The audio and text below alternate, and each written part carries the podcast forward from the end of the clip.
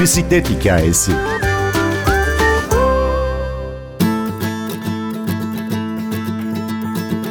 Münevver Yegül, kök hücre doktorası yapan bir moleküler biyolog. 5 yıl önce eşinin işi nedeniyle taşındığı Hollanda'da kendi alanında çalışamayınca çok sevdiği bisiklet mesleği oldu. Hollanda'daki bisikletli yaşamı kendisinden dinleyelim. Bize eşlik edecek şarkı Janis Joplin'den Me and Bobby McGee. Ben Günür Öztürk Yener. Bir bisiklet hikayesi başlıyor. İlk bisiklet anım unutamadığım kardeşimle birlikte yaşadığımız bir olaydı. Daha çok yeni öğrenmiştim ben bisiklet sürmeyi. Pinokyo'nun arkasına dedim ki hadi bin bakalım. Onu da gezdiriyorum. Bir abla olarak iki yaş var aramızda. Bir yandan yolun kenarında elinde poşetleriyle işte domatesler almış, portakallar almış bir adam yürüyordu. Ve ben son sürat böyle gelip arkadan ona bom diye çarptım. Poşetleri havalara uçtu, adam yere düştü, biz hepimiz düştük. Kaç yaşındaydınız? Yani 7 idim sanırım. Şimdi Hollanda'dasınız ve oradaki hayatınızın merkezinde bisiklet var. Anlatır Yani mısınız hem bize? istediğim için hem de mecburiyetten var aslında. Yani burada kurallar gereği insanları bisiklet sürmeye zorluyorlar. Onu söyleyeyim. Yani toplu ulaşım mesela sadece otobüs var ve çok planlı saatli kullanabiliyorsunuz. Yine tramvay belirli bir mesafe uzaklıkta var.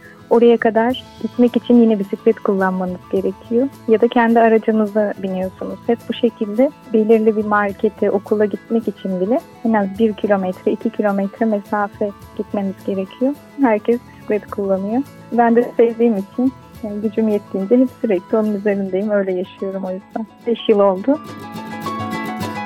Hollanda çok kuralcı bir ülke. Onu söyleyeyim. Herkes kurallara uyarak sürüşlerini gerçekleştiriyorlar. Bir yandan burada evden bisikletle çıkmak çok kolay. Yani bisikletinizin kapının önünde olması kolaylaştırıyor hayatınızı. Hemen biniyorsunuz, devam ediyorsunuz. Bir yandan taşıma amaçlı heybelerimizin olması yanımızda. Hem alışveriş yani aklınıza gelebilecek her şeyi yapma özgürlüğünü de yine bu bisikletin tasarımları da kolaylaştırıp sağlayabiliyor bizler için. Yine çocuğu 3 tane 4 tane taşıyabiliyorsunuz bir bisiklette. Bisikletlerin yapısı da hem farklı hem kullanım amaçları farklı. Kapasite olarak çok daha geniş. Sizin 8 yaşında bir kızınız var. Hı hı. Onun bisikletle arası nasıl? Onun bisiklet arası çok iyi. Beni örnek alıyor ve beni geçmeye başladığını düşünüyorum artık. Çünkü bisikletin üzerinde manevralar yapıyor. Benim yapamadığım şeyleri yapmaya başladı. Onun tadını aldığını görebiliyorum. Yani bir hız yaptığımız zaman beni geçmek için hızlanıyor ya da motive oluyor. Çok hoşuma gidiyor bu.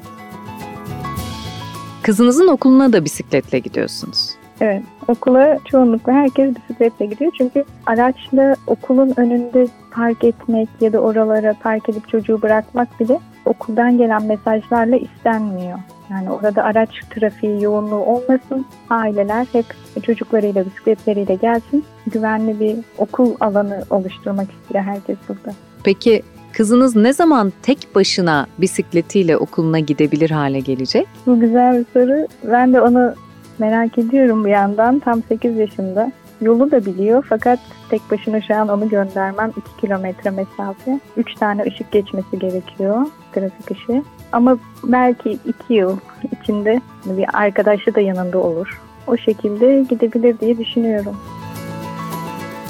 Sadece buranın sorunu kanallar çok fazla olduğu için çocuklar bir yere kanala girerse bir şey olmaması için özellikle yüzme kursunu zorunlu tutuyorlar. Şimdi ben dışarı oynamak için nasıl hani çocuğunuzu bırakıyorsunuz, güveniyorsunuz. Yine de bir ebeveyn kontrolü gerekiyor tabii ki yani sorumluluk.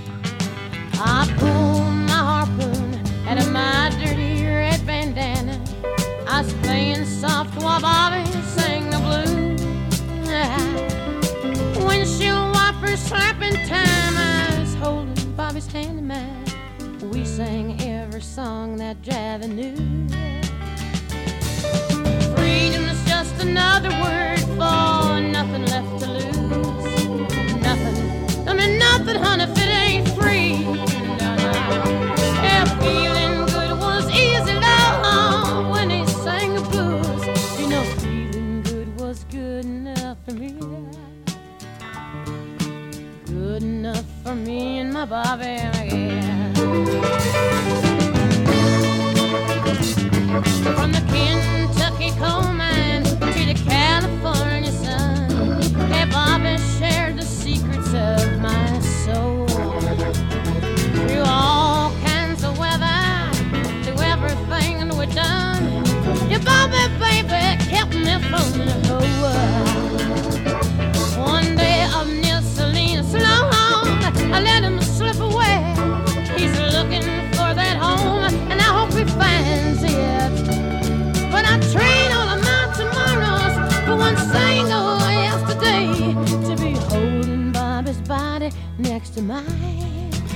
Freedom is just another word for nothing left to lose.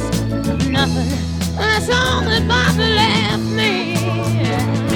But feeling good was easy down when he sang the blues. Hey, feeling good was good enough for me.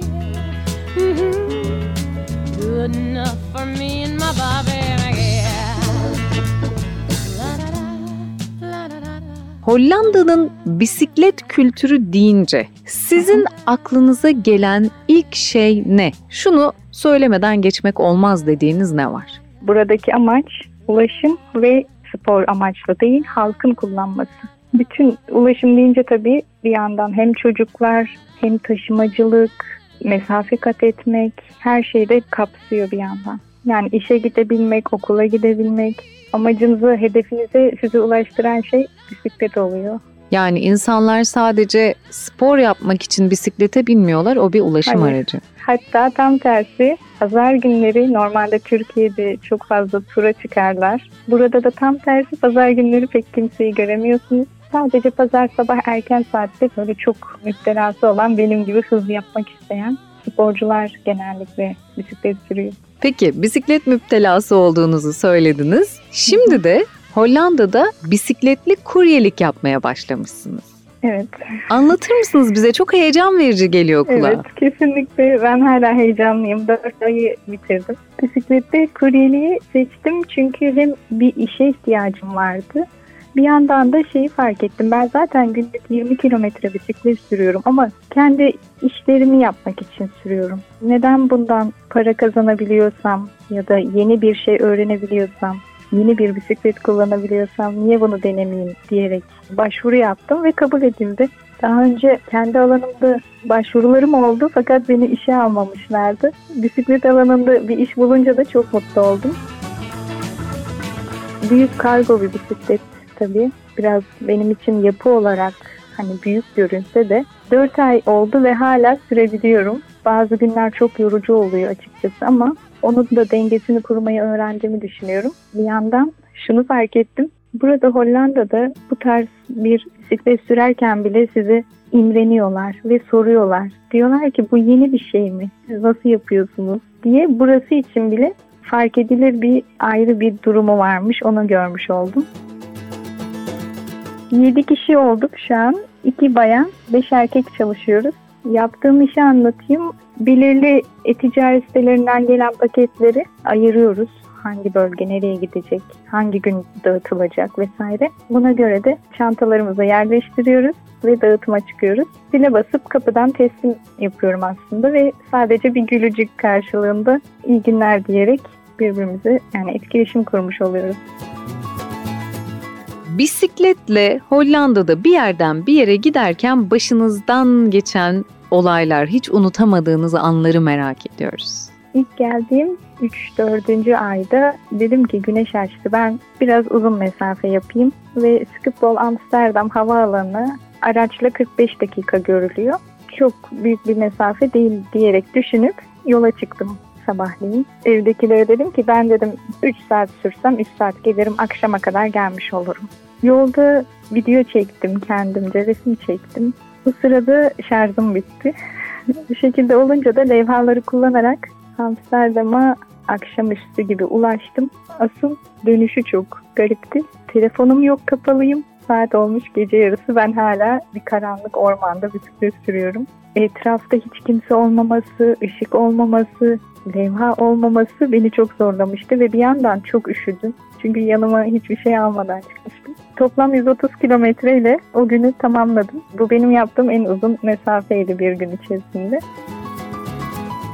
Kızımı okula götürürken çok yağmur yağmıştı ve ince tekerle kızım da çocuk koltuğun arkasında otururken tren rayına girerek düştük.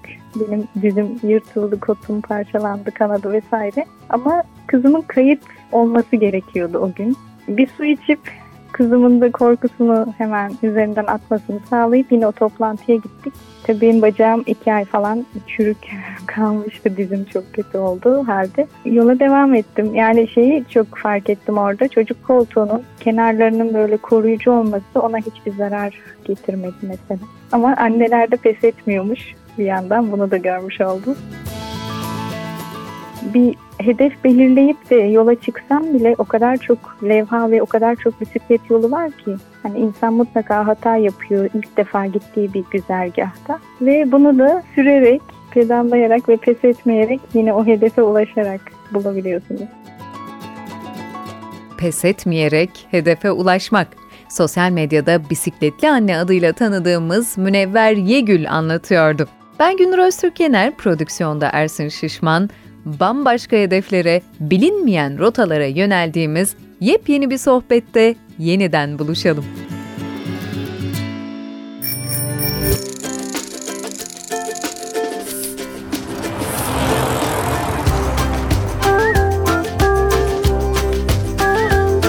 Bir bisiklet hikayesi.